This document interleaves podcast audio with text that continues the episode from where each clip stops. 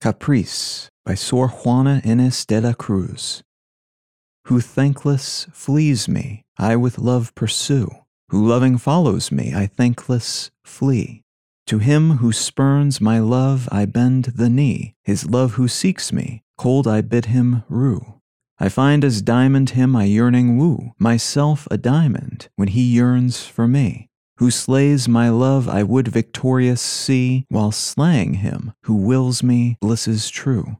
To favor this one is to lose desire, to crave that one, my virgin pride to tame. On either hand, I face a prospect dire. Whatever path I tread, the goal the same to be adored by him of whom I tire, or else by him who scorns me, brought to shame.